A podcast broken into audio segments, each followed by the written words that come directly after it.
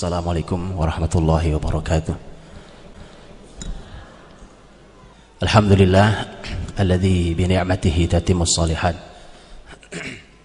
أشهد أن لا إله إلا الله وحده لا شريك له وأشهد أن محمدا عبده ورسوله.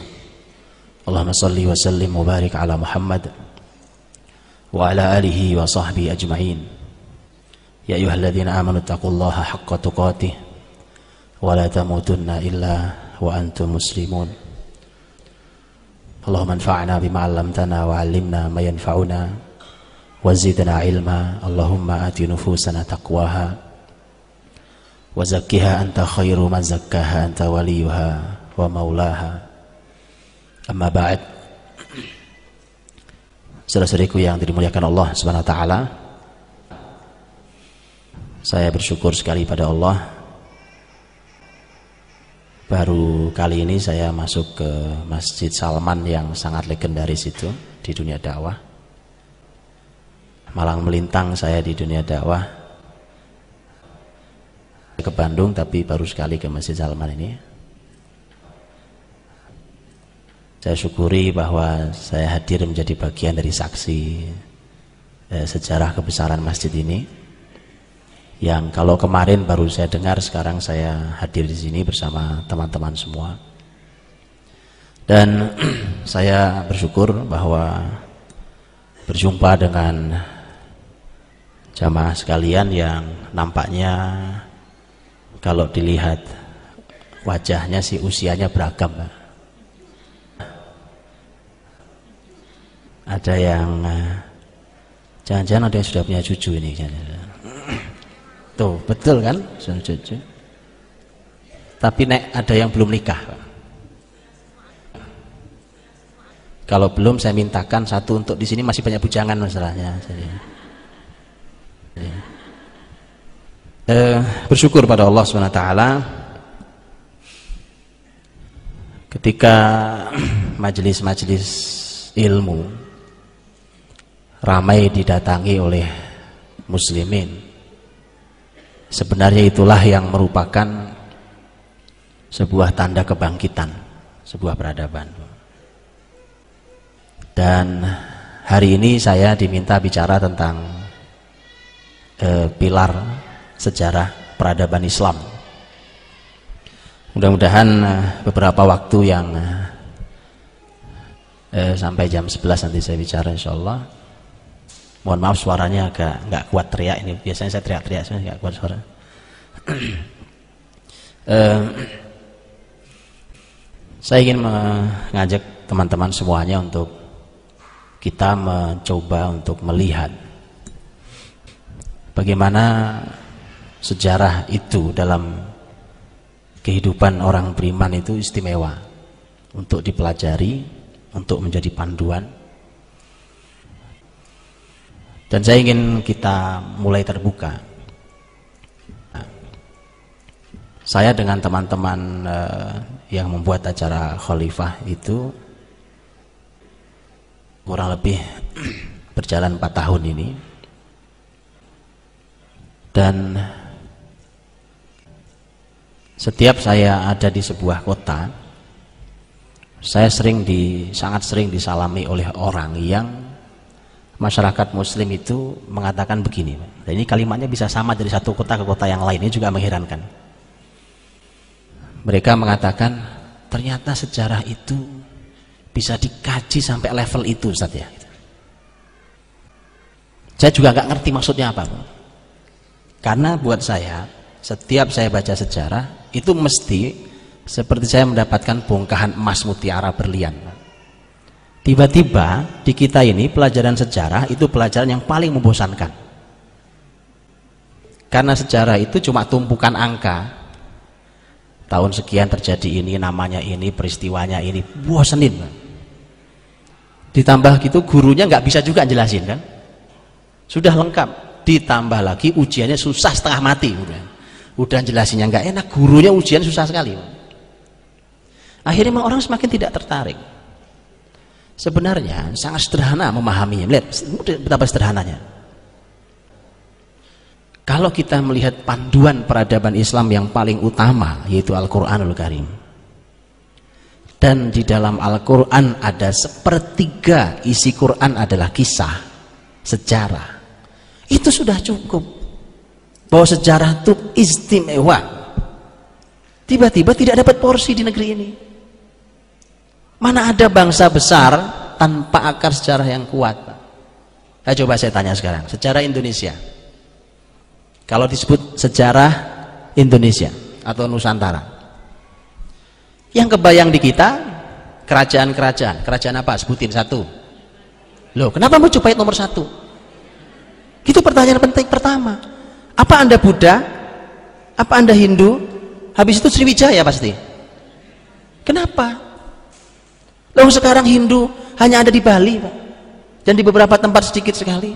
Anda pergilah ke Borobudur sana. Mana ada komunitas masyarakat Buddha besar di sana? Emang akhirnya mengherankan negeri ini. Pak. Mengherankan betul negeri ini. Oke, saya lompat agak jauh sedikit. Saya ini beberapa hari ini sedang mengikuti sangat intensif masif karena hikmah Allah saya sedang kurang sehat jadi saya sering di rumah saya sering intensif mengikuti channel TV biasanya saya jarang nonton TV Pak. bahkan saya hampir gak pernah nonton acara saya sendiri itu jadi saya nggak tahu, saya dapat laporan begini-gini, oh gitu ya, saya juga nggak tahu, saya gak tahu. Tapi saya ada hikmahnya nonton TV ini. Saya pindah-pindah channel dari Suria, Mesir, eh, Yaman, Qatar, Kuwait, Saudi itu channel saya pindah-pindah terus untuk itu. Ada yang menarik. Dari per, dari diskusi diskusi perdebatan berita yang sekarang di Timur Tengah sedang ramai. Saya sampaikan ya teman-teman ya. Menarik antum kebayang peta dunia ya? Minimal kebayang ya?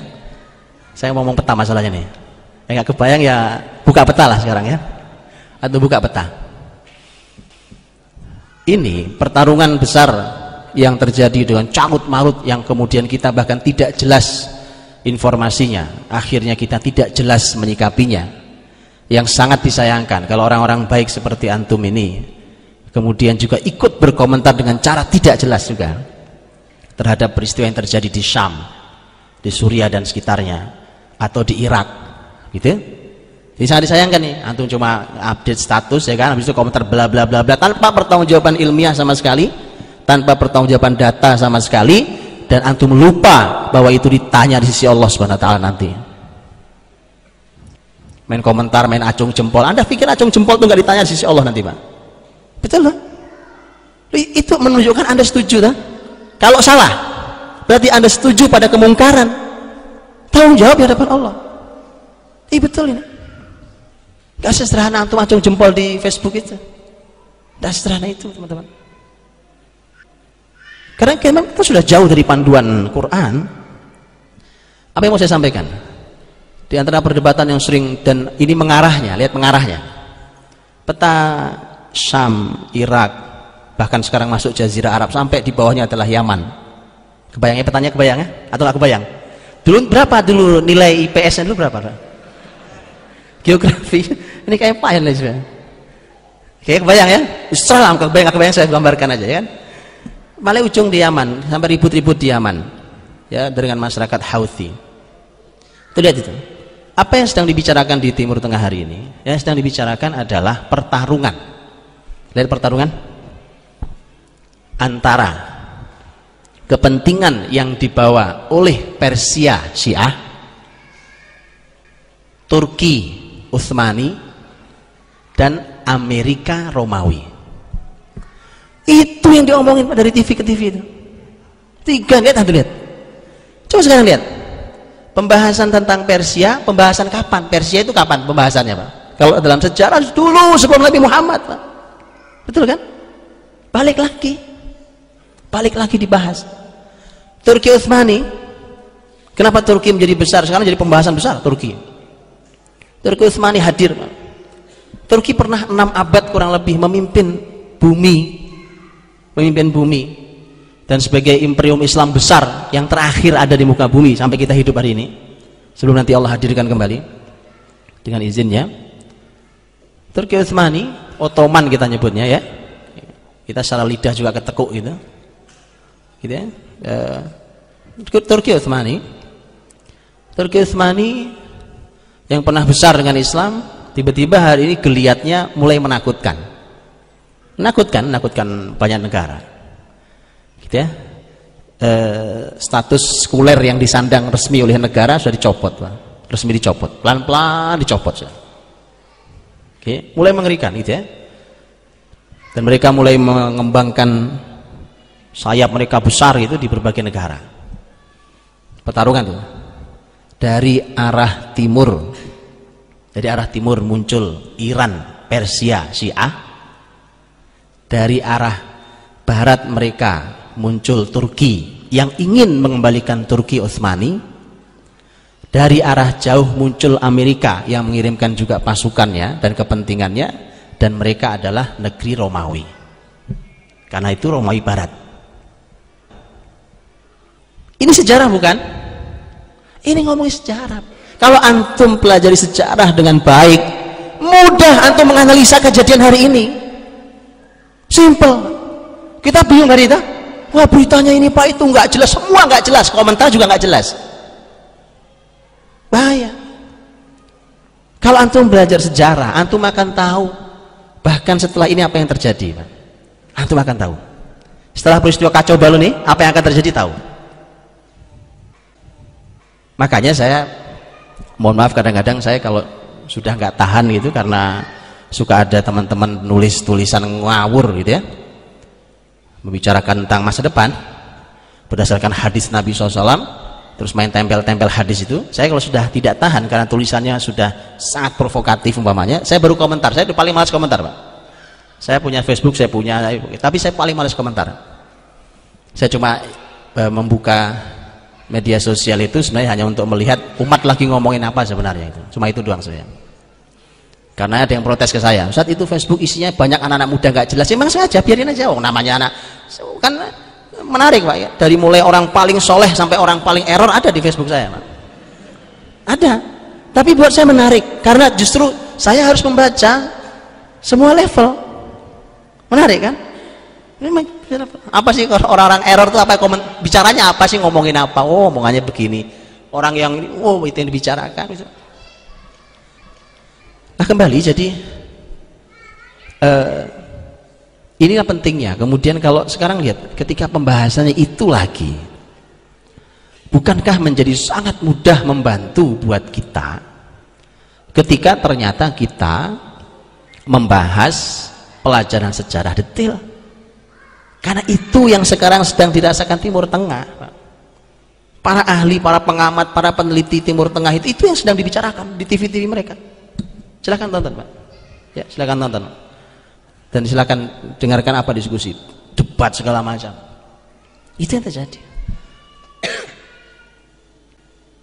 Nah saya cuma ingin katakan tadi kembali kepada pembahasan saya. Ketika kita sebut Nusantara bayangan kita nggak jauh dari Mojopahit dengan Sriwijaya. Anehnya negara kita ini sekarang itu Hindu dan Buddha jumlahnya kecil sekali inilah yang yang tadi kalau itu yang kemudian dimunculkan sementara kita ini muslim kan menjadi rumit posisinya. Oh jadi akar kita itu Hindu Buddha ya Pak? Eh? oh negeri ini pernah besar dengan Hindu Buddha ya Pak? Ini bedanya dengan Turki. Tadi saya bilang cerita Turki Pak. Ini bedanya dengan Turki hari ini. Mengapa Turki hari ini begitu ditakuti di Timur Tengah? Karena terakhir sekali peradaban muslim itu ada di tangan mereka. Jadi mudah sekali mereka membangkitkan itu kembali. Oh masih hangat Pak. Kalau mereka tinggal di Turki mereka masih lihat desain bangunan masjid mereka tahu ada sejarah besarnya.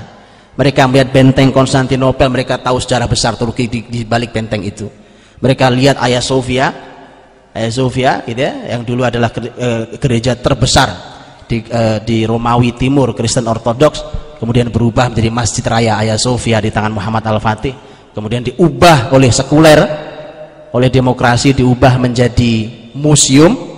Kabarnya hari ini dikembalikan ke eh, Masjid Ayah Sofia. Jadi mereka setiap melewati gang saja mereka melewati sejarah kebesaran mereka.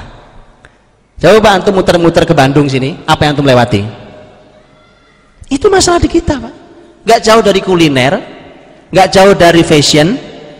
Habis kita dimakan oleh itu semua mereka setiap melewati gang lorong melewati tempat melihat gedung bangunan desain jembatan apa mereka ini sejarah kebesaran kami Pak. Kenapa mereka mudah bangkit itu sebabnya? Bagaimana kalau Bandung kita rombak ulang aja? Ada Pak Wali Kota nggak di sini? Nggak ada ya? Ya kita rombak ulang aja Pak. Biar bangkit Bandung. Dengan semua sejarah kebesaran Bandung. Bukan kuliner sejarahnya Bandung ini Pak ini ini negeri perjuangan kan? Ini bukan bukan sejarah fashion di sini. Apa yang tuh banggakan dengan itu semuanya? Mari kita tata ulang cara kita berpikir untuk sebuah kebangkitan. Karena dengan cara ini dengan cara seperti hari ini Pak kita habis dimakan oleh peradaban Yahudi. Dr. Abdul Halim Uwais dalam bukunya beliau beliau, menulis buku tentang uh, uh, dirasat di Sukul Thalathin Daulah Islamiyah uh, kajian terhadap keruntuhan 30 negara Islam. Zaman sejarah Islam dulu karena beliau seorang pakar sejarah Islam beliau katakan panjang lebar beliau analisa dari mulai dinasti-dinasti Islam Bani Umayyah, Bani Abbasiyah, Andalus terus analisa mengapa bisa jatuh. Satu-satu dianalisa supaya kita belajar itu terulang. Jadi kalau mau tahu mengapa hari ini muslimin jatuh sepinter-pinternya ilmuwan negeri ini bahkan ITB sekalipun tidak menghadirkan kebesaran bagi Islam dan muslimin negeri ini. Itu? Baca buku itu Pak. kita akan tahu bahwa ternyata sejarah memang berulang. Dulu mereka jatuh kita ulangi lagi itu masalahnya. Ya jatuh lagi kita. Hari ini kita jatuh.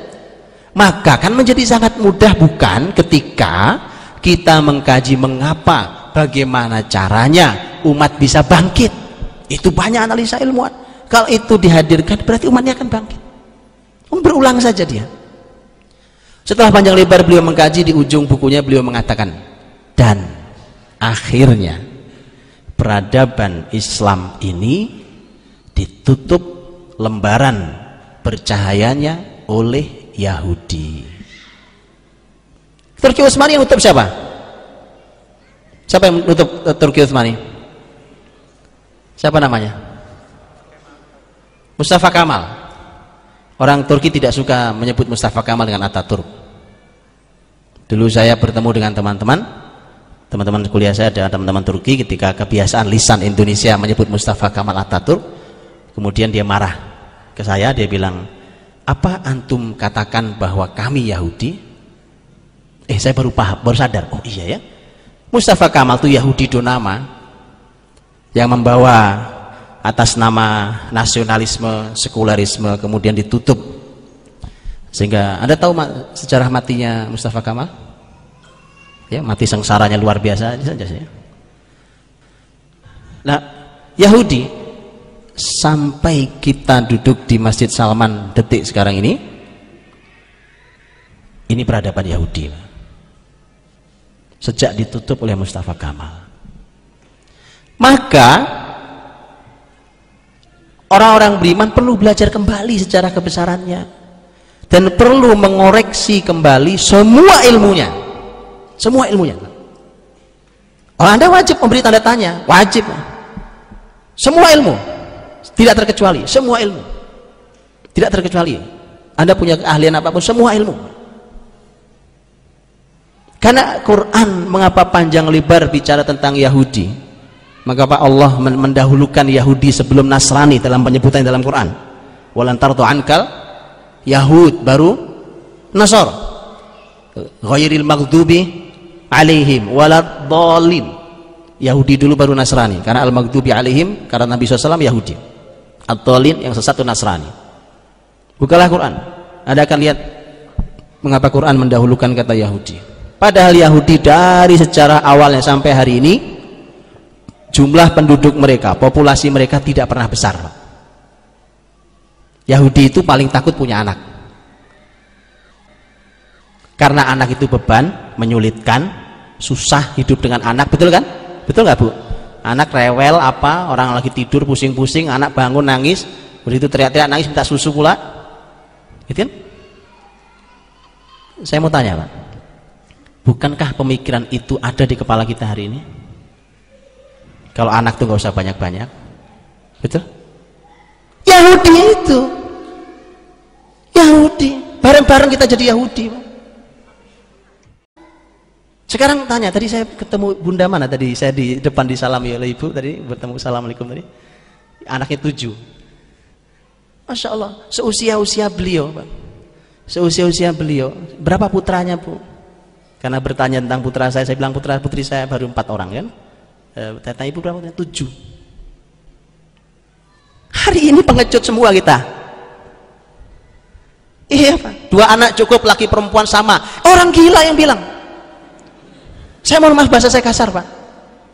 Loh saya, saya mau nanya, laki perempuan sama itu apa enggak orang normal apa enggak normal Pak? Enggak laki perempuan sama itu normal apa enggak normal? Tunjukkan ke saya itu bu fisiknya nggak sama rasa hati orang tua nggak sama bukti gampang bu.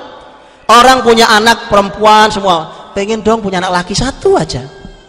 Orang punya anak laki semua pengen dong punya anak perempuan satu aja. Begitu punya anak laki perempuan alhamdulillah pak sudah lengkap. Beda pak. Nggak dari mana analisa laki perempuan sama. Quran bicara kal laki-laki tidak sama dengan perempuan. Quran bicara surat Al Imran jadi kita ini sebab kalau kita analisa ulang kita analisa ulang semua ilmu kita jangan-jangan itu kita yakini ternyata itu keyakinan Yahudi Pak. kita teriak-teriak takbir Allahu Akbar anti Yahudi ayo kita boikot Yahudi. Wong kita nih diri kita pemikirannya utuh Yahudi kok. Oh iya. Wah apa wong trompet masih laku keras kok kalau malam tahun baru? Mau apa gitu? Kita mau bicara apa? Anda mau takbir berapa kali? Anda mau takbir berapa kali ya kan makanya mari mari gitu kita lihat ulang kita kaji ulang kita pelajari ulang kita lihat cara pola hidup kita cara kita mendidik cara kita ber, berteknologi cara kita berpolitik cara kita berekonomi cara kita bermasyarakat keamanan Dr. Abdullah Halim sudah katakan dan akhirnya peradaban bersinar Islam ditutup oleh Yahudi ini peradaban Yahudi hari ini Pak Hei. Kalau saya mau tanya dengan semua yang carut marut, saya saya kasih contoh dulu deh ya, saya kasih contoh dulu supaya supaya tambah pusing ya kan. Uh, ketika Allah Subhanahu wa taala berfirman tentang sekian banyak ciri khas Yahudi dalam Quran, betul? Quran sangat banyak bicara tentang ciri khas Yahudi, karakter Yahudi, uh, segala macam dan sayangnya itu semua sifat itu ada dalam diri saya, diri Bapak Ibu semuanya tanpa kita sadar kita terima itu ilmu, ya kan? Maka pelan-pelan juga kita hilangkan itu. Kita ilmui dulu gitu supaya kita tahu kita filter mana yang benar mana yang salah. Kita lihat. Salah satu ciri khas mereka adalah berbuat kerusakan. Berbuat kerusakan. Dan itu kalau bapak ibu mau lihat surat yang paling yang eh, sangat spesifik membahas tentang Yahudi. Bagaimana Yahudi berhasil dikalahkan.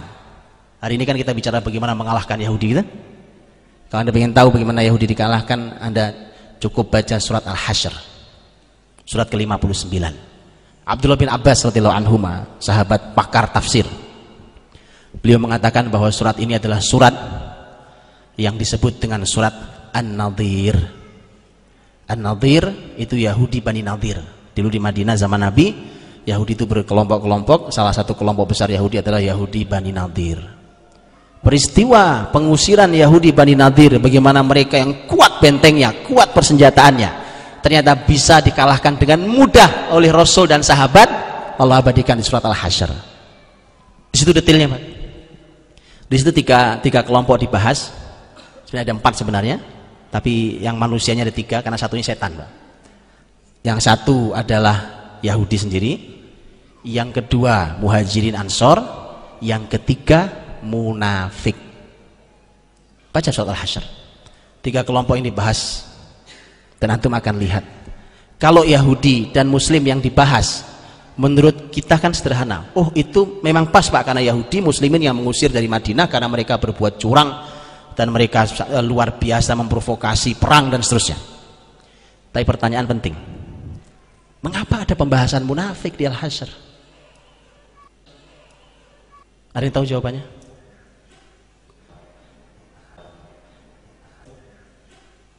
Apa hubungannya dengan Yahudi dan Muslimin, Bu? kan pembahasannya adalah ini surat yang berbicara tentang Yahudi dan bagaimana mereka bisa dikalahkan. Gitu kan? Subhanallahi ma fis samawati wa ma fil ardi wa huwal azizul hakim. Huwallazi akhrajal ladzina kafaru min ahlil kitabi min diyarihim li awwalil hasyr dialah Allah yang telah berhasil tadi mengusir mereka dengan pengepungan yang terjadi itu dari ahlul kitab Yahudi. Ini Yahudi Bani Nadir. Oke okay, kalau bahasanya muslim Yahudi jelas. Tapi kenapa Quran Hasan bahas juga tentang munafik? Tahu? ada yang tahu? yang tahu angkat tangan. Yang bisa jawab hadiah dari Masjid Salman insya Allah nanti. Saya bilang ke panitia.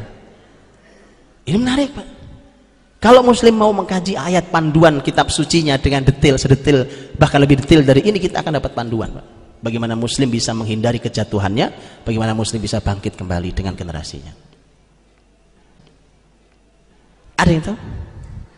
kalau antum baca sirah nabawiyah ketemu cuma karena selama ini kita ngaku pecinta nabi sholawat sehari sekian kali sejarahnya nggak pernah dibaca ya kan? menyedihkan Pak. Solawat bagian dari perintah penting dalam Islam. Oh iya. Nah, antum solawatan sampai jam satu malam, subuh nggak kelihatan. Gimana ceritanya? Lah ya. Coba cara kita berpikir kita rombak ulang. Kita mana yang wajib, mana yang sunnah kita nggak tahu bagaimana menyikapinya. Begitu kan persis sama kayak kita Idul Fitri, Pak. Walaupun ulama beda pendapat tentang hukum sholat id ya, saya tidak bicara hukum. Oke lah, yang sering kita pahami di negeri ini hukum sholat id sunnah, oke? Walaupun limitan wajib. Oke, tuh lihat. Orang sibuk nyiapin sholat id. Sholat subuh gak ada di masjid. Gimana ceritanya? Gimana cerita kita ini? Gimana ceritanya? Cara, cara kita berpikir tentang Islam ini bagaimana ceritanya? Ya. Jadi kembali Kenapa ada orang munafik di dalam surat Al-Hasyr? Apa Ustaz? Menjanjikan bantuan. Gimana? Menjanjikan bantuan apa? Apa? Siapa? Bagaimana? Ah, itu di dalam surat Al-Hasyr. Al-Hasyr menyampaikan, beliau sampaikan luar biasa. Beliau sampaikan tentang eh, ada janji bantuan dari orang munafik kalau kalian wahai orang-orang Yahudi diusir kami ikut pergi sama kalian kalau kalian diperangi kami ikut menolong kalian itu itu kan ada sejarahnya itu kalimat Quran dan dibalik itu ada sejarahnya karena tokoh munafik Abdullah bin Ubay itu itu yang membuat orang-orang Yahudi Bani Nadir yang sebenarnya sudah diancam oleh Nabi untuk segera meninggalkan Madinah dalam waktu hanya satu minggu dikasih waktu. Untuk bila silahkan keluar silahkan bawa apa saja kecuali senjata. Bahwa anda boleh tinggalkan Madinah tapi waktunya hanya seminggu. Nabi mengutus seorang sahabat mulia Muhammad bin Maslamah anhu memberikan ancaman. Mereka udah kemas-kemas, udah berkemas-kemas siap-siap meninggalkan Madinah. Tapi ternyata mereka tidak jadi meninggalkan Madinah. Apa sebabnya? Tadi tokoh besar munafik Madinah yang kalau sholat di belakang Nabi SAW jihad ikut jihad Nabi SAW ya? Nggak sembarangan. Kita sholat nggak pernah bermakmum ke Nabi kan? Nabi udah wafat masalahnya. Itu Abdullah bin Ubay makmum di Nabi kita jihad umpamanya kita nggak di, nggak dipanglimai oleh Nabi. Dulu Abdullah bin Ubay jihad dipanglimai Nabi SAW ya iya dia yang menawarkan bantuan kepada orang-orang Yahudi.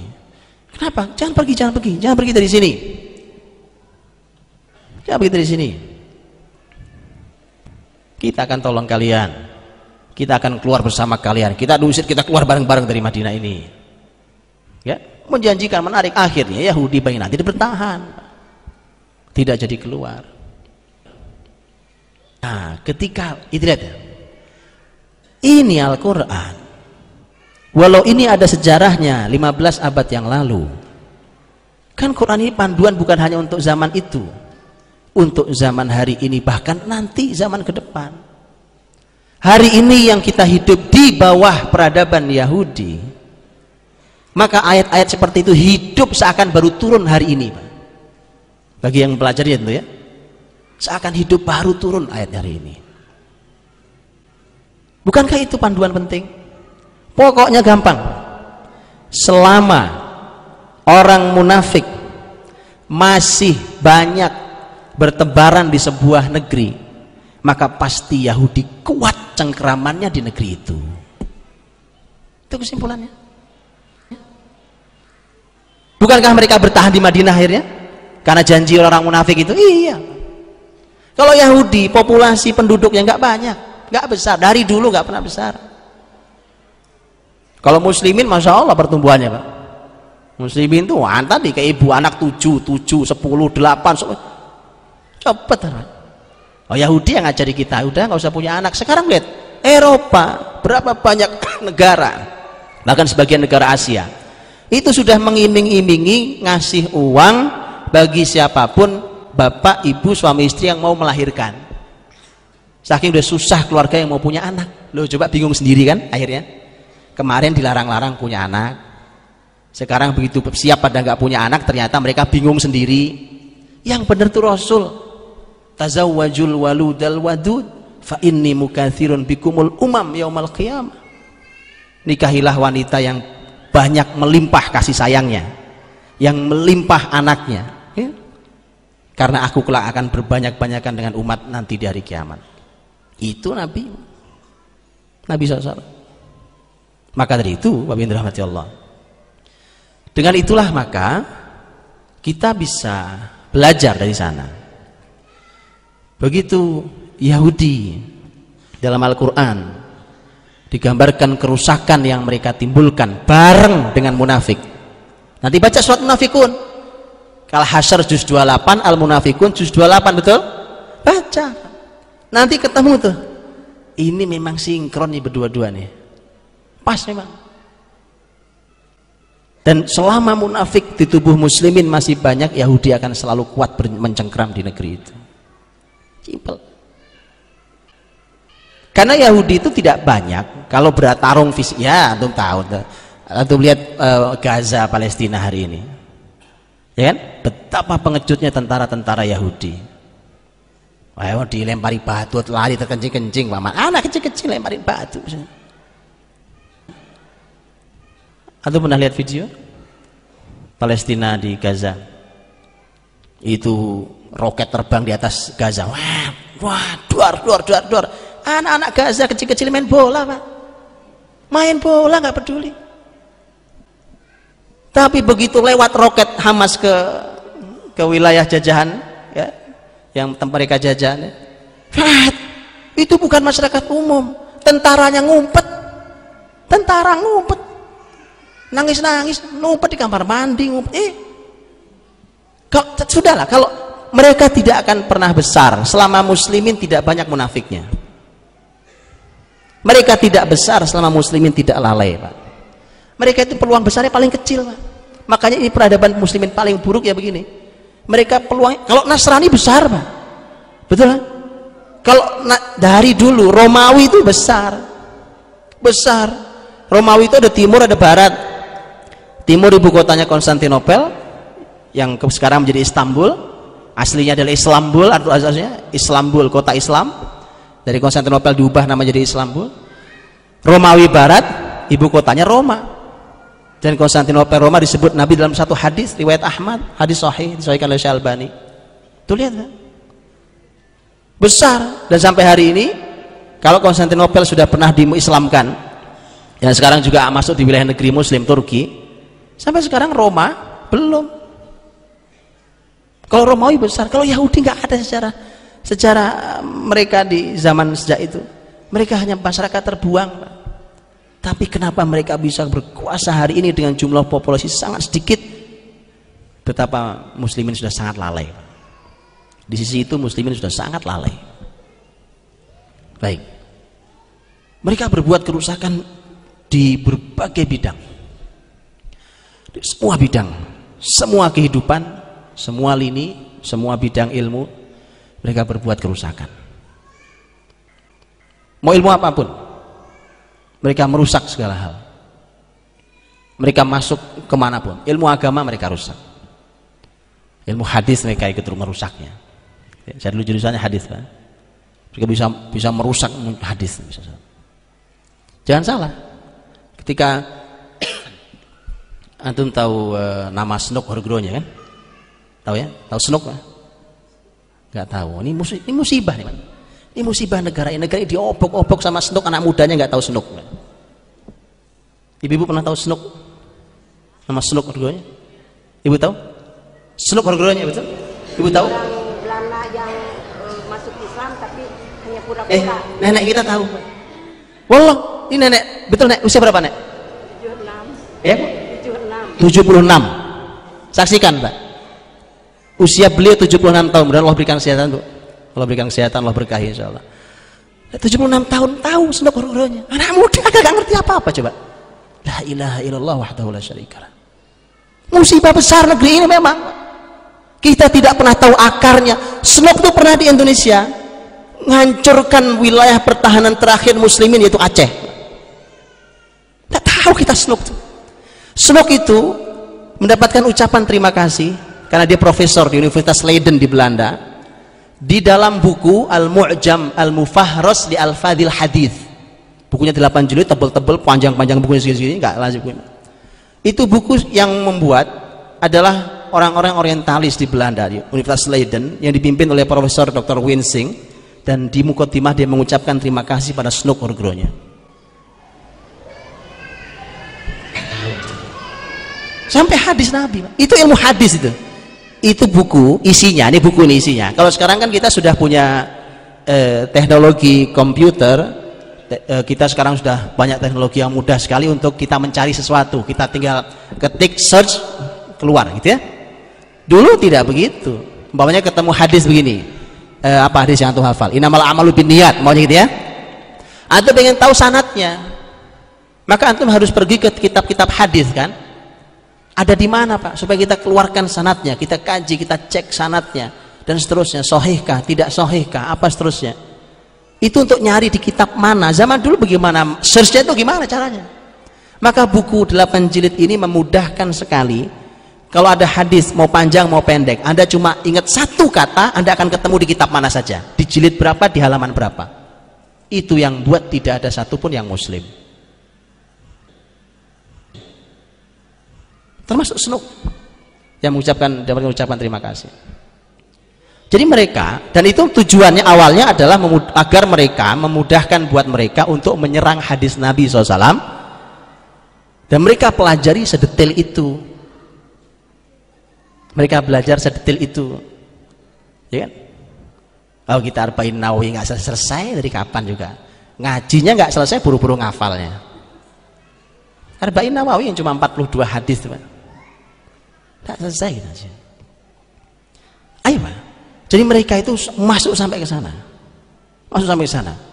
Sampai ke ilmu agama. Mereka masuk ke berbagai bidang ilmu. Semua. Kalau tidak dia rusak ilmunya dia rusak tujuannya. Berbagai macam cara pokoknya. Umpamanya umpamanya apa nih yang yang antum anggap netral? Teknologi gitu ya.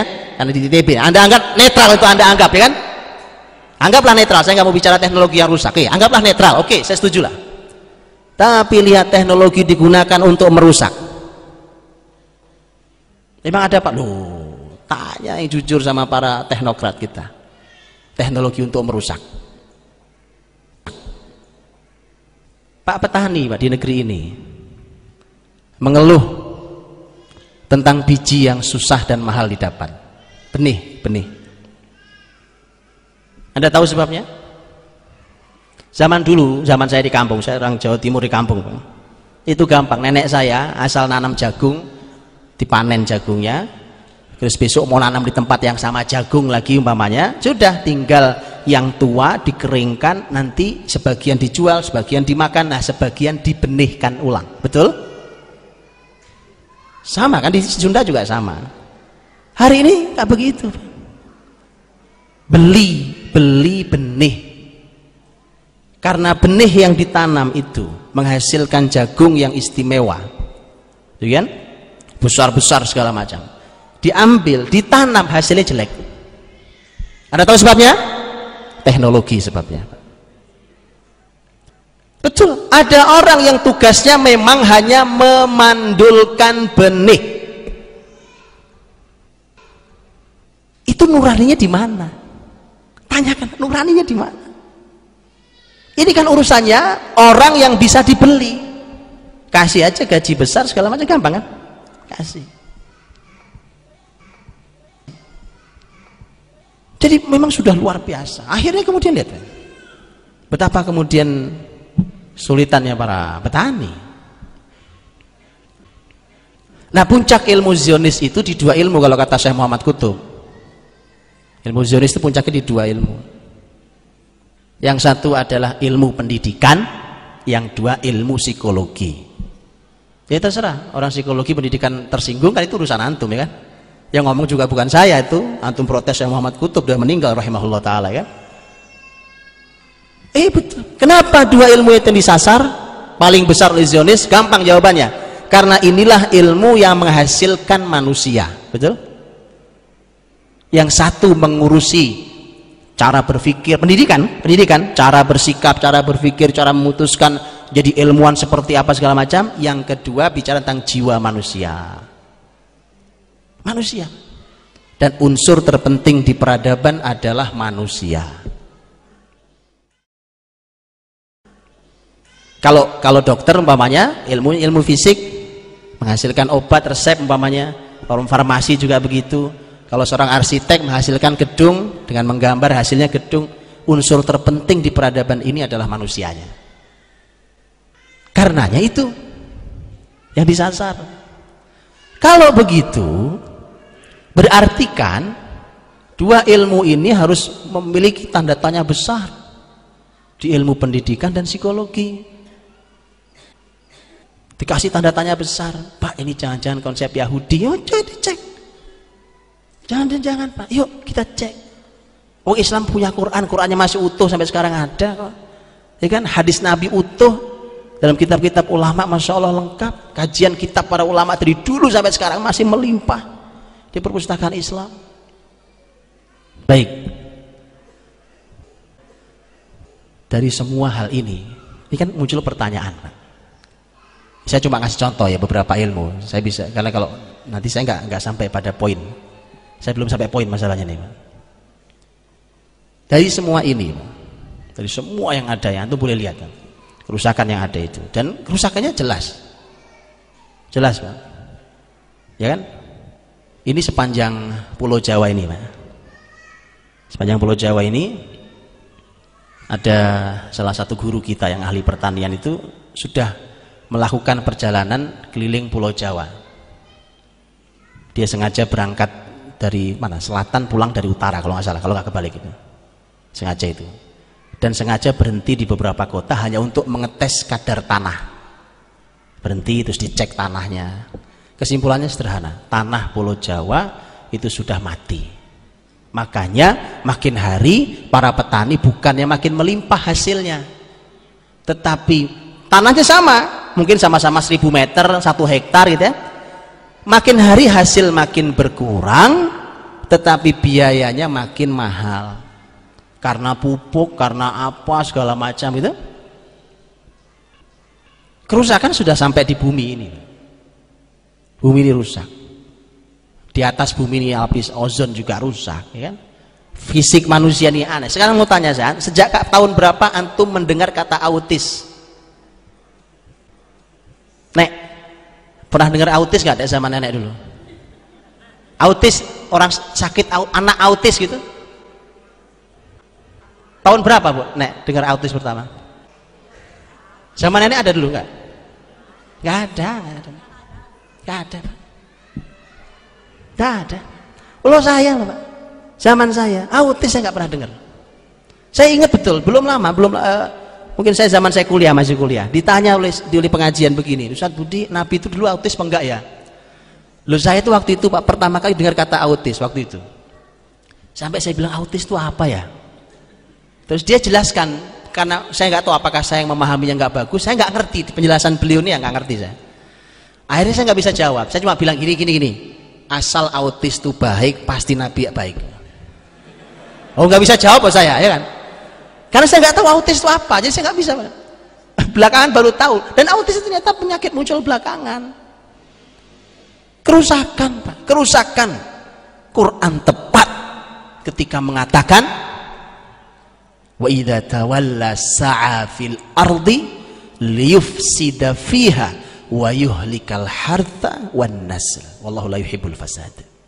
Kalau mereka bertebaran di muka bumi itu mereka hanya berbuat kerusakan mereka hancurkan keturunan dan ladang dan keturunan. Tanah kita makin hari makin mati nasab makin hancur orang lahir banyak sekali cacat Allah lindungi kita. Lahir cacat. Nggak ada zaman-zaman dulu aneh-aneh lahir aneh-aneh gitu nggak ada coba tanyakan sekarang ke rumah sakit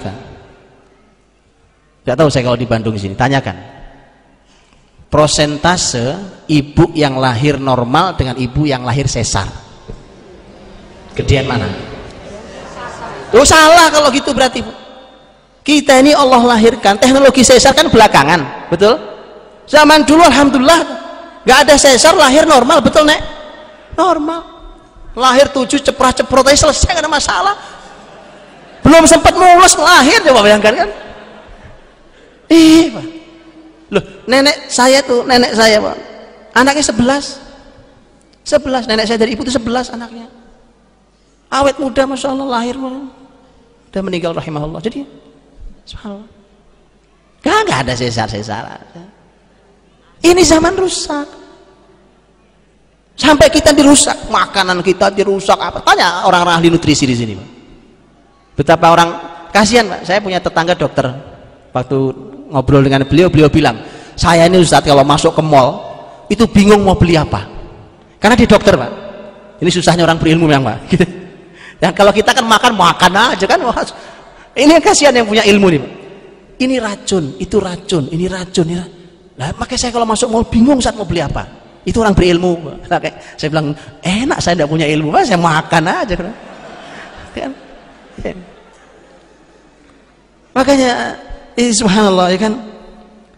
Kerusakan ini sudah luar biasa. Sawah ladang mereka hancurkan dan keturunan mereka hancurkan.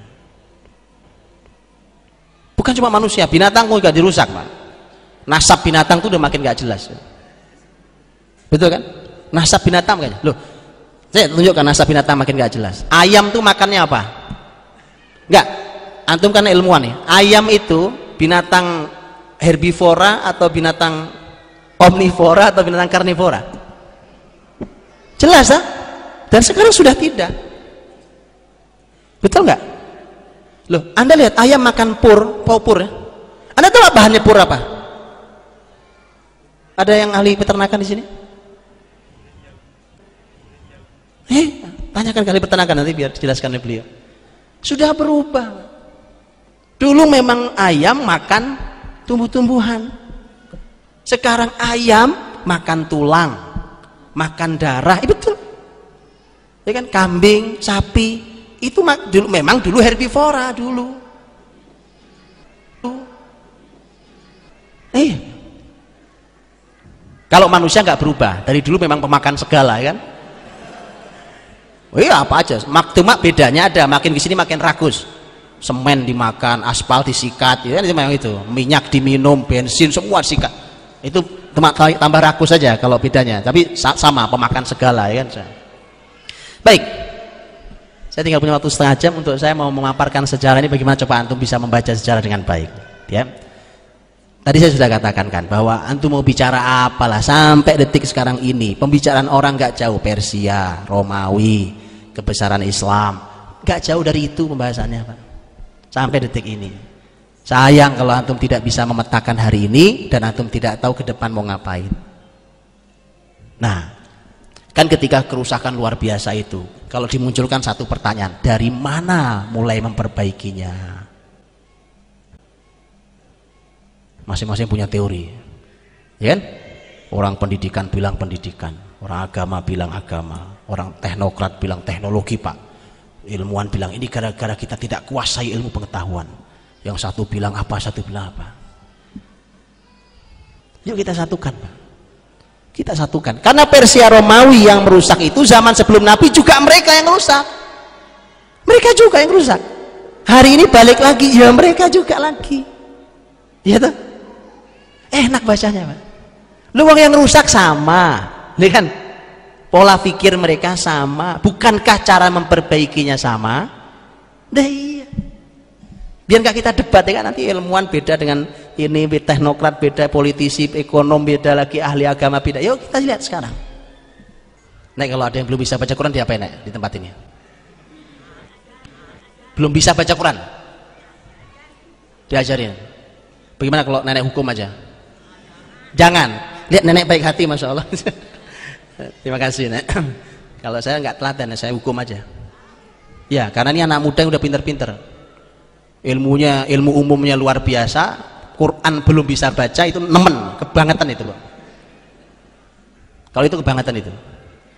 Itu meninggalkan agamanya keterlaluan kalau itu. Antum sudah S1, S2, S3 belajar Quran nggak kunjung sesuai tajwidnya itu penghinaan terhadap agama kita saya nggak bicara menghafal nggak nggak saya nggak bicara tafsir nggak belakangan belakangan belakangan baca Quran belum sesuai tajwid ilmunya S1, S2, S3 saya mau bilang apa Wong ilmu baca Quran itu ilmu paling simpel, gampang, mudah. Allah mudahkan Quran bukan hanya untuk dibaca, bahkan dihafal. Walaqad yassarnal Qur'ana lidzikr fahal mim. Sungguh telah kami mudahkan Quran untuk diingat. Makanya tadi saya bilang, nih, mau kelebihan kalau nenek aja yang hukum, kan? Baik, silahkan terus belajar ya, silahkan terus belajar. Kalau ini cuma kalimat penekanan saya, silahkan terus belajar dengan baik. Jadi kita lihat, teman-teman rahmati Allah SWT. Jadi kantum lihat sejarah zaman dulu zaman kebesaran Islam ini ini sehari ini tinggal titit, tutup plek itu pas Pak. enak sekali plek itu pas Memang perlu belajar panjang memang ya untuk perlu belajar detail saya cuma kasih gambar kerangkanya oke okay? gambar kerangkanya saya ingin mulai dari mana ya enaknya ini deh saya ingin mulai dari Nabi SAW ada di Gua Hiro sebelum terima wahyu. Oke? Pertanyaan saya, Nabi ngapain di Gua Hiro? Gua Hiro itu Bu sepi. Zaman itu loh. Oh sekarang aja silahkan naik sepi banget. Iya, asal sudah mulai sore gitu, udah Pak dijamin Anda lari turun. Enggak, enggak sepi kan. Itu naik kurang lebih perlu naik mendaki kurang lebih naik setengah jam ya. Saya kalau mendaki kurang lebih setengah jam lah mendaki itu itu sepi zaman itu lagi sepi luar biasa gak ada kehidupan seorang diri di Gua Hiro pertanyaan saya ngapain ke Gua Hiro apa yang mendorong beliau sampai harus duduk di Gua Hiro yang sepi itu? Ada yang tahu? karena ini menjawab semuanya. Ada tahu apa sebabnya? Mengapa Nabi naik ke tempat sepi yang gak ada orang menyeramkan itu? Dan bukti menyeramkannya ada bukankah ketika terima wahyu dipeluk Jibril Nabi gemeteran badannya betul? pulang tuh masih gemeteran padahal pulang dari dari gua Hiro sampai pulang ke rumahnya jalan kakinya lumayan. Jauh itu sampai rumah masih gemeteran zammiluni zammiluni. Selimuti aku selimuti aku. Gemeteran. Emang nggak gampang? Terus ngapain ke sana? Itu pertanyaan. Mengapa dia ke sana? Untuk mendekatkan diri mengenangkan itu. Menenangkan diri mau ngapain nek? Ya untuk mencari apa Tuhan gitu. Mencari Tuhan? Enggak ini kalimat menarik dari beliau. Lihat. Bukan apa mencari Tuhan begini ya untuk mendekatkan diri. Mendekatkan diri pada Allah mana, uh, betul nek. Begini ini luar biasa. Terima kasih nek. Lihat. Aisyah radhiyallahu anha menyampaikan kisah ini di di hadis di awal-awal hadis Sahih Bukhari ya. Membicarakan tentang masalah wahyu diterima dan Aisyah mengatakan bahwa Nabi SAW itu tahannus dan tahanus itu adalah ya ta'abbad iddat layali beribadah beberapa malam itu kalimat nenek tadi mencari Tuhan mendekatkan diri pada Tuhan ya. E, memangnya kalau kalau kalau Muhammad SAW ada di sekitar Ka'bah emang nggak bisa naik beribadah? Saya tak dialog sama nenek aja ya kamu antum dengerin aja. Bong senuk nggak tahu enek enek ya, karena kalau di Ka'bah kan Ka'bah masih dikuasai Nah, jadi kalau di Mekah dikuasai sama orang-orang musyrik, kan bisa aja nah itu ada Ka'bah, Ka'bahnya kan ada nih, walaupun banyak patung, kan Nabi sholat juga di situ. Emang kenapa harus jauh-jauh pergi? Nah? Waktu itu mah kan belum belum uh, apa patung-patungnya itu ya, masih ada. Ya, masih ada jadi nggak bisa. Nggak bisa. Tapi kalau di sana kan sendirian. Sendiri. Jadi tenang. tenang lihat kalimat tenang lihat menarik kalimat tenang beliau beliau bilang kali tenang di sana lihat persis persis seperti beliau nih beliau sampaikan para ahli sejarah mengatakan apa yang membuat Nabi naik ke Gua Hiro kalau urusannya sholat Nabi biasa kok sholat samping Ka'bah walaupun banyak patung di sekelilingnya betul kan? Atau baca? Baca Quran Nabi biasa baca Quran sambil selonjoran yang dari Ka'bah biasa. Itu dilakukan bisa setiap hari oleh beliau. Dan bahkan orang masuk Islam gara-gara mendengar Nabi baca Al-Quran? Bisa. Tapi mengapa harus naik ke sana Nabi Shallallahu Alaihi Wasallam. Ya itu mencapai puncak kegelisahannya. Tentu sekali lagi kalau baca Quran itu setelah jadi Nabi ya. Nah, belum jadi Nabi ya belum ada Quran. Nabi SAW mencapai puncak kegelisahannya sebagai orang soleh di lingkungan yang rusak.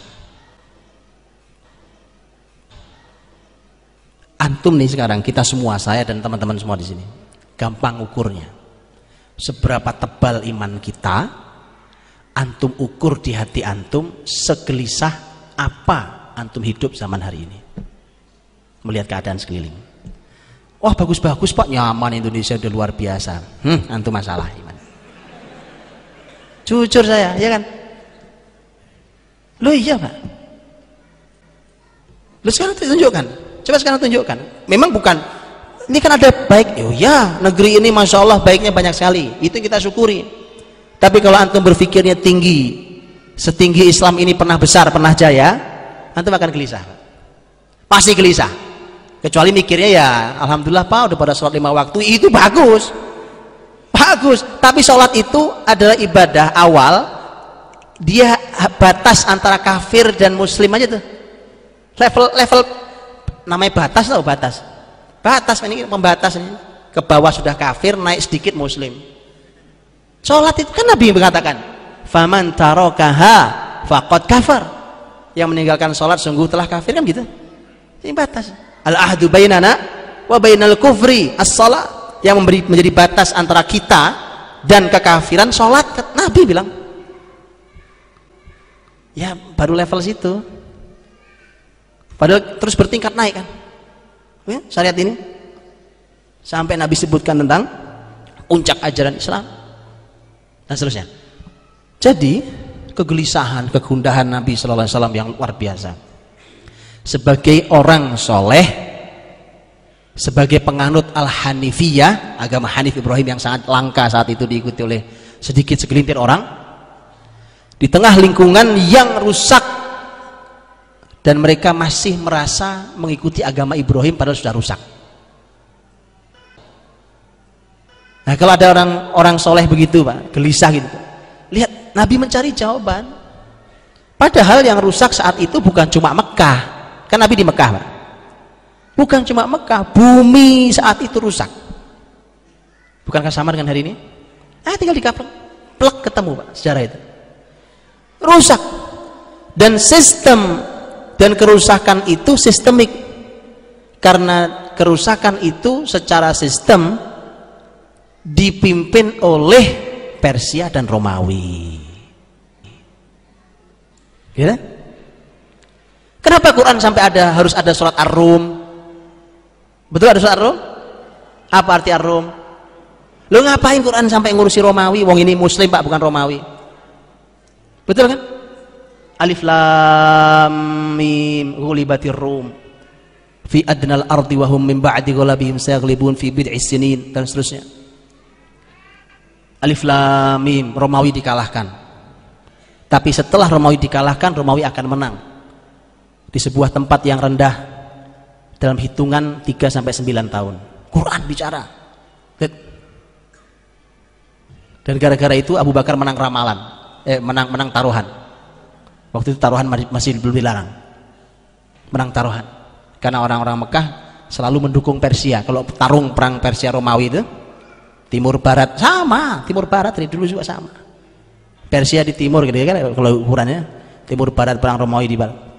Itu perang yang menang selalu Persia dan orang Quraisy senang kalau menang Persia. Ternyata dikabari oleh Quran bahwa Romawi akan segera menang dalam hitungan 3 sampai 9 tahun. Fi bid'i sinin Abu Bakar karena percaya wahyu dia tantangin tuh orang-orang Quraisy eh, kita taruhan. Romawi akan menang ah, enggak enggak. Romawi enggak pernah menang lawan Persia. Saya mau nanya kenapa kenapa orang Quraisy lebih dekat lebih senang ke Persia? Sama-sama enggak punya kitab. Sama-sama enggak punya agama ya kan? lah orang Arab enggak nyambung dengan kitab. Yang punya Alkitab itu Romawi. Nasrani Yahudi itu Romawi. Nah Persia itu agama nyembah api itu Majusi itu Nah, makanya para ulama mengatakan at-tuyur ala ashkaliha taqwa. Burung itu akan hinggap dengan yang sejenis. Ya? Nah, gampang ukur kita juga gampang. Kalau bahasa Nabi SAW lebih jelas. Ar-rajulu ala dini khalilihi falyanzur ahadukum man yukhalil. Seseorang itu akan akrab tergantung eh, seseorang itu akan eh, tergantung dengan agama teman akrabnya. Maka lihatlah dengan siapa dia akrab. Gampang ukurnya, ya kan? Antum berteman sama siapa itu antum pasti misal semisal sudah. Sudah. Akrab ya, bukan sekedar berteman. Karena kalau orang sekedar berteman segala macam loh, kita harus berteman dengan siapa pun karena bahkan kita diminta untuk mengajak orang lain untuk kita dakwai mereka, betul? Tetapi ini dengan siapa Anda akrab? Baik. Ah, situlah maka Quran bicara tentang Romawi. Dan itu pertarungan Romawi Persia sebenarnya. Saat itu Nabi Muhammad belum punya kekuatan, masih dakwah-dakwah awal. nah ketika itulah maka kita tahu Mekah itu memang terpisah dari Persia Romawi. Tapi Persia Romawi itulah yang memimpin bumi saat itu untuk mengajari kemungkaran, mengajari kejahiliahan. Quran menyebut dengan istilah al-jahiliyah itu istilah Qurani. Al-jahiliyah. Mereka al-jahiliyah itu yang mereka ajarkan di semua bidang kehidupan, semua. Sama kayak ini, plek sama lagi kan? Sama sih. Dan ternyata orang baik seperti Muhammad SAW kegelisahan beliau mengantarkan beliau sampai ke Gua Hiro ini ceritanya orang baik ya, orang baik yang tahu ini nggak benar. Tapi dia tidak juga tidak tahu terus yang benar itu yang bagaimana? Nah, karena zaman itu orang-orang baik yang mau mengikuti agama Ibrahim itu sudah tidak ketemu panduannya sudah nggak ketemu panduan seperti yang disampaikan oleh Zaid bin Amr orang yang lebih senior dari Nabi SAW gitu ya. Bapaknya Said bin Zaid sahabat mulia radhiyallahu an Zaid bin Amr itu sampai ke Syam untuk nyari agama Ibrahim. Jawaban para pembesar bahkan dia pernah ketemu dengan seorang rahib yang ini ilmu tertinggi agama Nasrani di Syam. Jawaban dia yang kamu cari agama Ibrahim itu hari ini sudah tidak ada yang bisa menjelaskan ke kamu karena para ahlinya sudah meninggal semua. Sama tuh Nabi bilang? Sama. Eh, perginya ilmu itu dengan perginya ahli ilmunya makanya kalau tidak ada kaderisasi masalah. Saat kalau kita beruntung Quran ini Allah jaga itu bedanya. Kalau zaman dulu tidak. Inna nazzalna dzikra wa inna lahu lahafizun. Kami yang turunkan Al-Quran kami pula yang jaganya. Itu enak kalau Quran kita tetapi zaman itu hilang. Jadi mereka itu tahu ini salah ini. Cara ngukur salah itu kan gampang, Pak. Orang itu punya nurani. Orang itu asal nuraninya bersih. Nabi minta istafti kolbak, mintalah fatwa pada hatimu. Itu hati yang ber, yang jernih ya. Hati itu mesti nolak, Pak. Nabi katakan al ismu al kadhibu riba, dusta dusta, bohong itu menimbulkan keraguan dalam hati orang bohong itu Pak. Itu orangnya sebenarnya ragu dalam hatinya. Begitu. Karena itulah maka tidak mudah buat orang-orang yang suka bohong itu menyimpan kebohongannya. Nggak mudah Pak. Begitu ditekan diinterogasi gitu nggak lama ngaku ya. karena orang ragu. Beda dengan keyakinan. Iman. Iman itu keyakinan. Tertancap kuat ya pegang. Nah inilah yang yang tadi Nabi katakan bahwa mintalah fatwa pada hatimu itu ternyata minta fatwa pada hati yang jernih itu itu gampang ukurnya. Kali, ini kalimatnya Zaid bin Amr. Tadi yang saya katakan Zaid bin Amr itu sebelum Nabi Muhammad ya lebih senior dari Nabi Muhammad. Uh, dan Zaid bin Amr itu sama orang-orang Mekah. Itu ketika melihat masyarakat Mekah rame-rame pada motong binatang untuk patung. Mereka duduk khusyuk di samping patung. Bahasanya iktikaf Loh, itu bahasa Quran loh. Ini bahasa Quran, Pak. Maka ini kan nanti Ramadan sebentar lagi. Semoga Allah berikan kita umur sampai Ramadan ya. Kita berjumpai Ramadan lagi yang indah itu. Jangan kalah sama orang musyrik, Pak. Orang musyrik itu iktikaf berlama-lama di samping patungnya. Betul, dan itu kalimat Quran. Lihat Quran mengatakan dan dua-duanya menggunakan istilah istilah iktikaf, dua-duanya ada di Quran. Yang satu iktikaf untuk kemusyrikan, orang musyrik iktikaf di sekeliling kemusyrikan patung-patung mereka dan yang satu adalah i'tikaf orang-orang beriman di masjid Allah Subhanahu wa taala. Dua-duanya pakai istilah i'tikaf. Oke? Okay? Jadi bagaimana kalau kita batalkan pulang kampung? Sepakat? Ramadan ini i'tikaf 10 hari, jangan diganggu. Laki-laki, saya ibu-ibu dalam Islam punya aturan psikis nih. Laki-laki, Kalau antum laki-laki betul. Ini tantangan menarik, Pak. Kan loh, Quran yang bicara itu. Quran ketika bicara tentang masjid, Surat An-Nur 36 37 fi buyutin adzinallahu an turfa'a wa yudhkara fiha ismuh yusabbihu lahu fiha bil ghudwi wal asal rijal. Ya. di rumah-rumah Allah yang telah diizinkan untuk disebut dan ditinggikan namanya nama Allah SWT dan bertasbih di dalamnya pagi dan sore hari sore hari. Siapa yang bertasbih rijal rijal itu laki-laki beneran. Jadi orang yang Masya Allah menjaga tasbihnya ha? menjaga ibadahnya di masjid laki-laki betulan laki-laki beneran kalau itikaf kan di masjid full 10 hari betul ya? Itu laki beneran sepakat ya? Yang hadir di sini Allah saksikan. Saya nanti minta persaksian di hadapan Allah SWT di hadapan semuanya. Saya akan minta di hadapan Allah yang hadir di sini semua akan saya minta persaksian di hadapan Allah SWT bahwa saya sudah sampaikan ya Allah mereka laki-laki atau bukan saya nggak tahu. Kalau laki-laki mereka 10 hari itikaf tidak akan diganggu oleh apa pun di masjid Allah SWT nggak keluar. Nggak keluar. Hei itu laki-laki betulan. Wa antum akifuna fil masajid surat al-baqarah. Dan kalian iktikaf di masjid-masjid Allah SWT iya jadi teman-teman rahmati Allah. Ketika zaman yang sudah serusak itu kemudian Zaid bin Amr tadi Zaid bin Amr. Zaid bin Amr itu Zaid bin Amr itu nanti meninggalnya sebelum Nabi Muhammad jadi dapat wahyu. Ya ini kisah sebelum Nabi Muhammad. Zaid bin Amr mengukurnya gampang. Ini masyarakat rusak. Sampai dia bilang mereka masyarakat pada pada diri duduk iktikaf di samping patungnya mereka memotong atas nama patungnya. Mereka tawaf tawaf keliling. Sambil apa eh, tepuk tangan dan nyanyi apa gitu. Tepuk muter keliling-keliling. Kayak orang tawaf. Zaid bin Amr orang nggak dia juga nggak punya ilmu. Dia juga nggak punya Alkitab. Cuma dia ngelihat aja dengan terima hatinya. Sampai dia bilang gini kambing Allah yang ciptakan. Hujan Allah yang turunkan. Hujan itu dikasih ke kambing untuk minum kambing. Setelah hujan turun Allah tumbuhkan pepohonan. Pohonnya dimakan si kambing. Maka bagaimana boleh memotong kambing tidak izin atas nama Allah subhanahu wa ta'ala? Simple bukan? nggak, nggak pakai ayat nggak pakai ayat. Oh, ngerti ayat. Nggak ngerti Alkitab Taurat Injil Zabur nggak ngerti Simple. Apalagi bunuh anak perempuan, wah sudah nggak masuk lagi. Zaman itu. Riba, mendolimi, ada nggak masuk. Maka itu zaman memang segelintir orang soleh gelisah. Pak.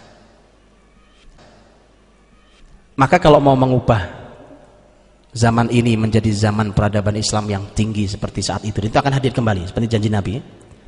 Maka mulailah dari gelisah. Gelisah sih nggak bisa dari kayasa. Gelisah maksud dari kayasa. Gelisah itu dari ilmu antum. Kalau antum makin berilmu, antum makin gelisah. Gak begini caranya. Ini gak begini nih. Harus dari sini mulainya. Ayo, dari, nanti kalau sudah gelisah akan ada langkah pemulainya. Nabi melangkah karena Nabi nggak tahu solusi. Nabi naik gua Hiro. Sudahlah, coba kita renungi. Makanya yang dilakukan Nabi di Gua Hiro itu ibadah dan tafakur. Tafakur kan itu gua Hiro itu kan tinggi gitu ya karena dia di gunung para ahli sejarah mengatakan bahwa dulu dulu kalau dari Gua Hiro itu terlihat Ka'bah tuh walaupun jauh terlihat. Jadi kalau ngelihat ke bumi, ngelihat kan di atas ya. Kalau ngelihat ke bawah, melihat rusaknya manusia, dan itu membuat orang-orang soleh menjadi gelisah, maka saat itu pandangan mata tidak ada solusi lain kecuali melihat ke atas. Di atas ada langit yang luas, langit biru yang cerah. Kalau malam bintang gemintang yang luar biasa dengan semua keagungan Allah yang tak tersentuh oleh jahilnya tangan manusia. Nah sekarang kita enak, kita Quran ada, panduan hadis ada, masya Allah sejarah Islam utuh sistemnya. Ada. Tinggal memang tadi bagaimana kita merevolusi pemikiran kita, kita revolusi ilmu kita. Kita berani untuk melakukan sebuah langkah pertama dan seterusnya itu. Nah, lihat sekarang Sebelum Nabi Muhammad naik ke Gua Hiro, ya kan? Sebelum Nabi naik ke Gua Hiro, itu kan usia Nabi sudah mau 40 tahun, nah? Betul ya? Sudah mau 40 tahun. 0 sampai 40 itu Nabi melewati banyak sekali peristiwa yang semua peristiwa ini adalah cara Allah untuk menyiapkan calon pemimpin bumi yang menjadi lokomotif utama perubahan di muka bumi. Rasulullah SAW. Makanya begini, ini urutannya, ini urutannya tiga, lihat, empat, lihat urutannya. Ini harus dilakukan ya Pak. Ya, siapkan, memang nggak perlu banyak, Pak. harus disiapkan betul siapa nih orang-orang yang siap mengubahnya. Siapkan betul. Dan menyiapkannya tidak dengan cara biasa. Ya dengan cara biasa ya. Mesti dengan cara tidak lazim, luar biasa caranya. Maksud saya lazim tidak lazim itu untuk ukuran hari ini ya. Kalau kita mengikuti pola hari ini ya begini-begini aja kan Islam. Yang begini sudah. Harus berani berani keluar dari semua yang ada hari ini untuk menyiapkan diri kalau kita ikuti pola hari ini sekolah Pak TK, SD, SMP, SMA, S1, S2, S3 ya begitu aja Islam seperti hari ini kan sama begini juga kita sama kalau pola yang sama nggak akan hasil yang nggak masih hasilnya sama. Makanya harus ada yang pola yang berubah. Di samping jalan ini silahkan jalani, tapi harus harus ada sebuah keberanian untuk untuk berani mengambil menyiapkan diri. Jadi menyiapkan oh itu, menyiapkan siapa orangnya. Dan itu nggak perlu banyak teman-teman, nggak perlu banyak. Oh ini udah banyak banget ini. Ini masya Allah ini. Kalau Bandung nggak baik, nah Bandung rugi. Yuk lihat penuh tempat masya Allah barakallah sampai belakang sampai di luar ini mah sudah sudah masya Allah banyaknya anda tahu untuk membuka Madinah Yathrib yang diubah nama menjadi Madinah Nabawiyah itu perlu enam orang enam orang Pak. Anda tahu mengawali Mekah berapa orang Nabi dakwah pertama Mekah siapa cuma Nabi istrinya Khadijah sama anak-anaknya ya betul kan ditambah uh, sahabat baik beliau, teman baik beliau, Abu Bakar radhiyallahu anhu. Ya, ada putra angkat beliau Zaid bin Haritha, betul? Ada ponakan eh, maaf, sepupu beliau yang dididik di rumah beliau Ali bin Abi Thalib. Berapa? Hampir sama jumlahnya, Pak. Tapi memang kualitasnya kualitas mereka. Itu masalahnya. Saya nggak perlu banyak untuk Bandung. Oke? Okay? Saya pernah berikan tantangan di Bandung ini sebenarnya. Tapi nggak ada yang menyambut. Saya nggak perlu banyak, betulan. Tidak perlu banyak, tapi dia hanya perlu waktu yang sabar untuk membangun itu. Karena Nabi SAW mengajari kita itu. Allah hanya perlu siapkan satu nabinya di awal. Betul? Nah ini satu nabinya. Begitu Nabi naik ke Gua Hiro, Allah kasih apa? Allah kasih alat, Allah kasih teknologi, Allah kasih tim, Allah kasih malaikat atau Allah kasih apa? Yang Allah berikan ke nabinya adalah panduannya, Al-Quran. Jadi panduannya. Kita punya dua panduan, Al-Quran kita ada hadis kita. Ini ada orangnya panduan. Begitu Nabi turun dari Gua Hiro dan beliau tahu bahwa beliau Nabi. Apa yang beliau lakukan? Nabi mendakwai orang-orang, betul? Dapat tim. Nah, itu tiga. Yang tadi saya bilang nggak perlu banyak tim itu. Di awal nggak perlu banyak. Oh kalau banyak itu rapat aja makin susah pak. rapat 10 orang enak kan rapat sama 10 orang daripada 50 orang betul kan berantem aja wacana aja hasilnya habis itu selesai rapat ya udah nggak ada nggak action juga nggak ada ya kan rapat dengan bertiga jadi tiga orang. Siap untuk mengubah sebuah kota. Itu? Lihat pak. Tim. Nabi dapat lima enam Nabi telateni pak. Madinah gitu. Nabi ketemu enam anak muda. Enam cuma enam. Pertama enam. Tahun depan Nabi ketambahan tujuh orang jadi tiga belas orang. Cukup. Bayat akobah satu. Tahun berikutnya nambah lagi. Total 75 73 laki-laki dua perempuan bayat akobah dua Nabi melihat pertumbuhan yang luar biasa itu kata Nabi innalakum ikhwanan wadaron tak manu nabiha sudah waktunya kalian pindah karena kalian sekarang sudah punya ikhwan sudah punya saudara-saudara seperjuangan dan kalian sudah punya negeri di mana kalian aman di sana. Hijrah ke Madinah. Dan Madinah jadi ibu kota peradaban Islam. Dari tadinya kota yang tidak dilirik orang sama sekali. Dapat tim kan begitu dapat tim? Pelan. Naik makin banyak jumlahnya itu semacam kualitas makin naik segala macam. Ya harus seiring sejalan ya antara kualitas dan jumlah naik ya. Memang tidak mudah tapi dia harus dilakukan. Setelah itu Nabi memerlukan negeri. Innalakum ikhwanan wadaron dar negeri. Perlu. Perlu. Saya gini sebagai penutup. Saya tanya coba ini. Kalau kita mau nanya Pak kita ini sebenarnya ingin membuat pasar transportasi atau apa pun yang islami. Tapi belajarnya di mana ya Pak? Ke mana antum belajarnya? Di kota mana di negeri ini? Bingung tuh karena belum ada prototipenya belum ada potretnya belum ada. Maka Nabi perlu Madinah.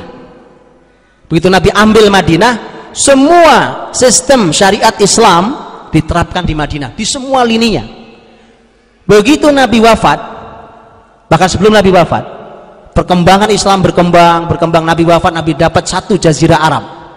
Oke? Setelah Rasul wafat diganti sahabat Abu Bakar kemudian berikutnya Umar, Utsman, Ali dan seterusnya terus makin luas, makin luas. Kota-kota yang baru ditaklukkan itu ketika mereka mau mengislamkan diri bagaimana caranya? gampang, tinggal ke Madinah. Ditongkrongin aja, oh gini pasar Islam itu ya ya tahu mesti dibanding kok ke Yahudi. Karena kita memang tidak ada hari dan lihat Nabi SAW membuatnya. Rasul wafat. Sudah dapat negeri Rasul wafat. Empat poin lah. Urutannya gitu. Nah itu kesimpulannya. Bacanya silahkan dibaca sendiri. Kisahnya banyak ya. Anda lihat ya, bagaimana Allah siapkan. Memang harus ada satu yang memang menjadi pemimpin yang disiapkan betul kemudian ada panduan yang jelas. Quran hadis Nabi SAW itu yang Allah berikan harus kembali digali ulang ilmunya. Kemudian ada tim yang memang menerima panduan ini. Dia pahamkan, diajarkan, eh, dijalankan, dipaham, diajarkan dan seterusnya. Sampai suatu hari mereka punya wilayah. Di mana wilayah itulah tempat dia mengaplikasikan semua panduan ini dengan dikawal oleh orang-orang hebat ini. Gitu? Nah sisanya ngikut lah nanti antum bicara dinasti Bani Umayyah dinasti Bani Abbasiyah Andalus 8 abad. Wah Turki Utsmani zaman kebesaran Salahuddin Al-Ayyubi Al-Ayyubiyah apa Zengkiyah ah, itu belakangan. Ini panduannya akan sama begitu terus. Begitu. Mudah-mudahan antum tambah bingung ya. Nggak tahu dari mana mulainya. Ada kuliah insya Allah begitulah. Jam 11 sudah waktu saya habis. Dan mudah-mudahan eh, ada setidaknya ada sebuah semangat ruh yang tadi saya disampaikan oleh para pengurus para ustadz kita di Salman bahwa sebenarnya ini sudah sejalan dengan visi besar eh, Masjid Salman Yayasan Salman bahwa di sini akan menjadi eh, menjadi tempat untuk membangun peradaban gitu ya. Itu sudah luar biasa visi besar itu. Hanya tinggal kemudian bersama-sama bagaimana tadi dengan panduan tadi itu nah itu akan akan hadir peradaban dimulai itu. Wallah bisawab mohon maaf atas salah kurang ya.